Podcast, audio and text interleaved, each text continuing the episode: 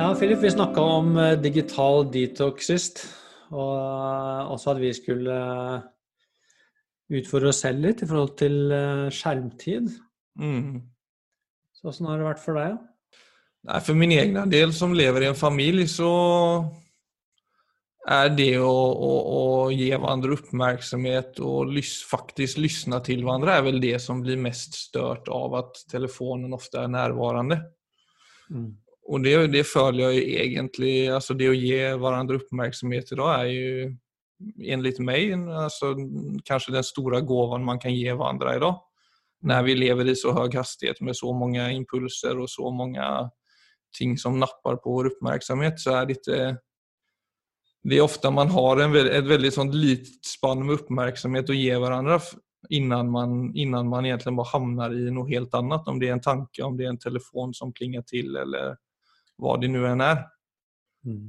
Uh, og, og, så som Hvis jeg ser på meg selv, så er jeg også veldig dårlig på å lytte egentlig når jeg, når jeg ønsker å prestere. Her kan jeg avsløre meg selv litt, for er, eh, for skal jeg være helt ærlig så har egentlig min personlighet vært ganske kraftig oppbunden til prestasjon i, i store deler av mitt liv. Altså når jeg, började, når jeg var mindre for eksempel, og begynte spille fotball da jeg var seks år, så skjønte jeg at jeg hadde litt talang her. Og jeg merket også at jeg var en av de bedre. Og det, det holdt i seg i, i, ganske mange år. Men da jeg var 15 år så hamnade jeg i en, en ganske kraftig vekst, vekstperiode og fikk sånn typisk vekstverk i benen så jeg begynte å springe veldig langsomt. Og da var det flere og flere som både ble bedre og begynte springe snabbere enn meg.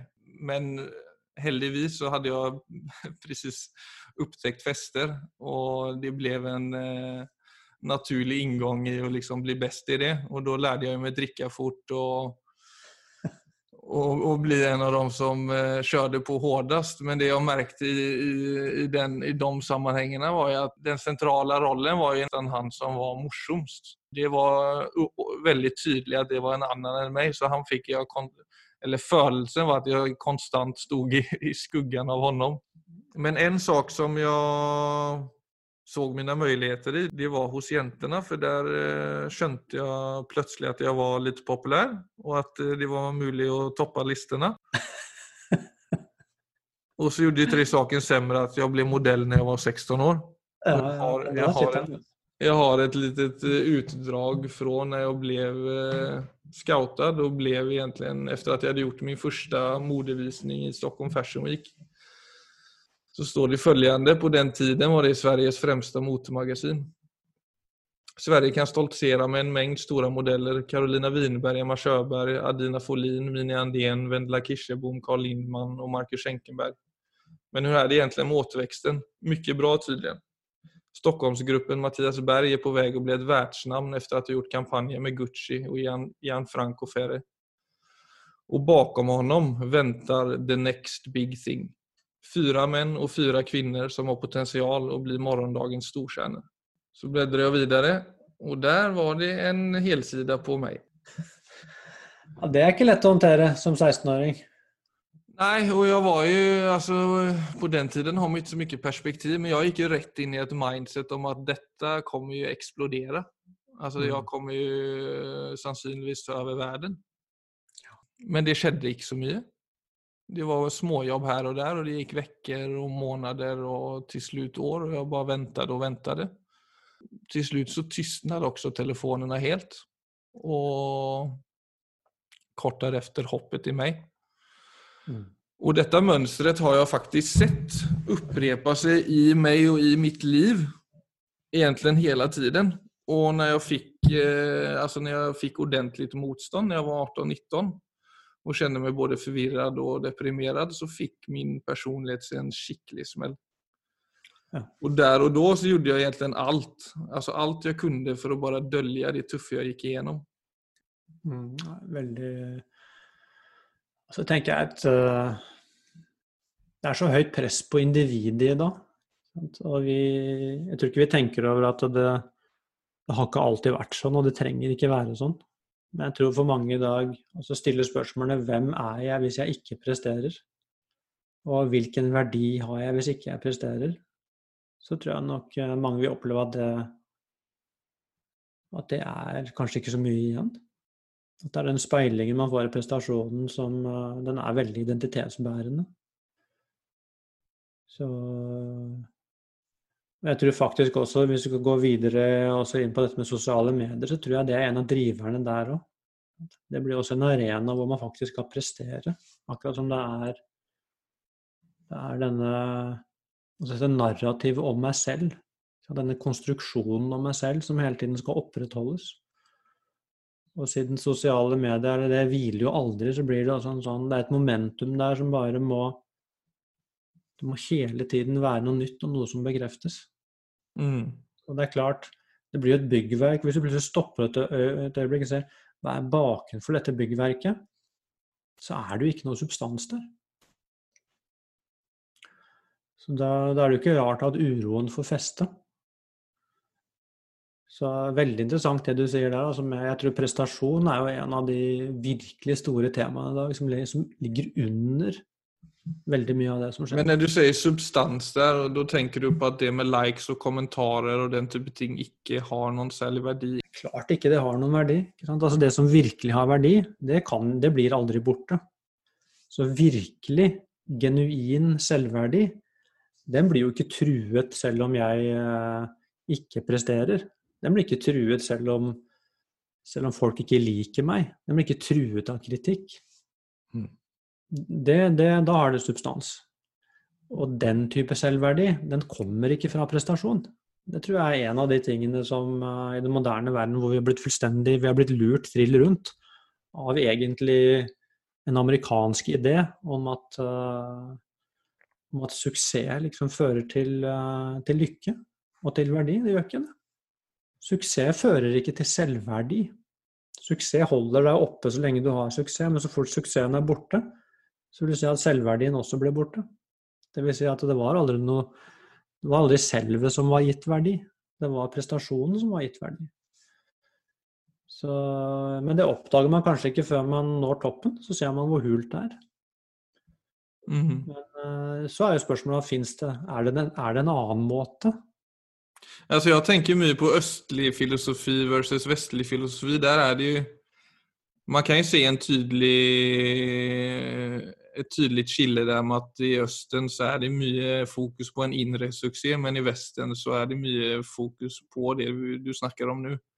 Å prestere på et ytre plan og se ut på et visst sett på et ytre plan. Og, og det har jo så klart spent seg over hele verden. Men sånn grunnleggende sett så finnes det en filosofi i Østen som har, har en mye mye tydeligere innriktning på en indre suksess. Absolutt. Altså er, altså hvis du ser på Altså På den filosofiske tradisjonen og visdomstradisjonen så er det egentlig det samme både i øst og vest. Men det er klart Hvis du ser på den vestlige kulturen, og da særlig den moderne kulturen, og egentlig kanskje aller mest den amerikanske kulturen, så er det jo faktisk sånn at den amerikanske drømmen har tatt over verden. Som jo bare er Det er bare branding. Har jo ingenting med menneskenaturen naturen å gjøre. Det skaper jo bare disse lengslene Mm. om å stå der på toppen og skinne. Som, eh, som, jo bare er tull i forhold til hvordan vi egentlig er som mennesker. Det er en utrolig overfladisk idé. Så, og i verste fall så glemmer man helt det at den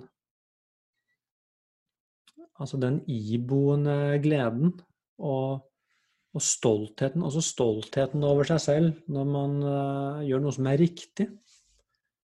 Den dype gleden som kommer når uh, vi gjør noe sammen som er meningsfullt. Hvor ikke det er, sånn, hvor ikke det er konkurranse.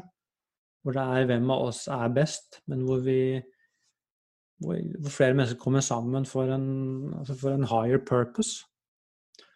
Og den gleden som dukker opp der, og menings, altså det meningsfellesskap som dukker opp, altså, og de følelsene, de, de varer jo lenge.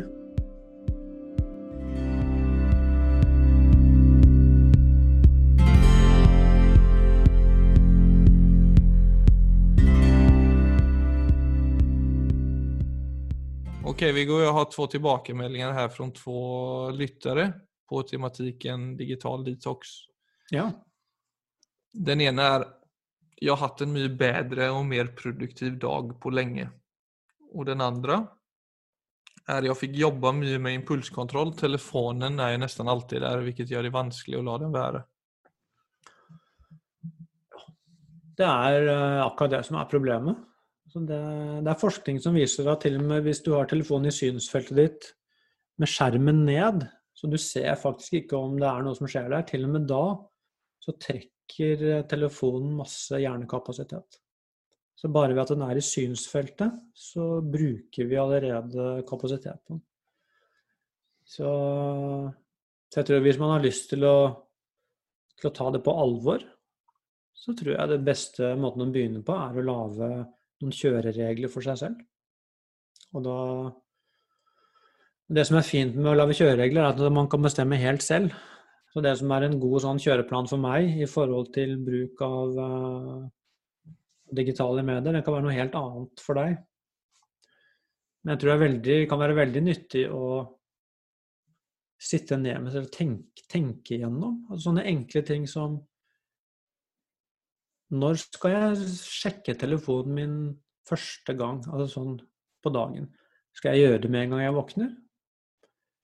Skal jeg, skal jeg vente til jeg er ferdig med altså morgenstell og frokost? Kanskje vente til jeg kommer på jobb, f.eks., eller på skole? Uh, når på dagen skal jeg slutte? Når legger jeg bort telefonen? Altså det å ha en, en, klar, en plan for det, faktisk. For at hvis du i det øyeblikket telefonen er borte, så, så, vet hjernen din også at nå er jeg ikke tilgjengelig. Og Det betyr at kan, da kan den faktisk slippe taket og falle til ro på en mye dypere måte.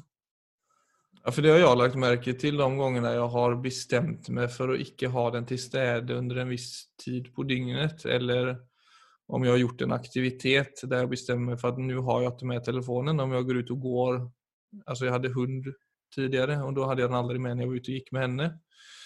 Og nå springer jeg ganske ofte, eller det har jeg gjort ganske lenge, og da har jeg også aldri den med. Uansett om jeg gjør det i parken her, eller om jeg gjør det oppe i, i marka i, i, oppe i Oslo her. Eh, og det, da har jeg merket at det, det har vært for meg en måte å tvinge meg selv inn i det jeg gjør. Altså, da har du ikke mm. mulighet å sjekke, eller du har ikke mulighet å bli størd, egentlig. Og det er det at man ofte har også den telefonen på et armlengdes avstand. Altså den, er jo, mm. den er jo, som du sier, ofte i en synsfelt. For det er ikke sånn at sitter du i sofaen, så går du ikke opp og legger den i et annet rom og sen går tilbake til sofaen. Altså Det kunne du gjort hvis du var veldig lur, egentlig. Mm. Men den er jo liksom en meter bort, og så er den en sekund borte. Altså den er, det er bare en sekund for at du skal kunne ta den opp igjen. Jeg har snakket med en del som har, altså som har innsett at de har faktisk en, en, avhengighetsproblematikk til å bare være på. Som vi jo faktisk mer eller mindre alle har.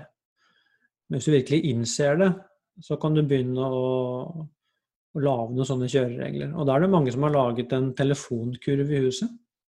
Sånn at når de kommer hjem, så legger de telefonen i telefonkurven.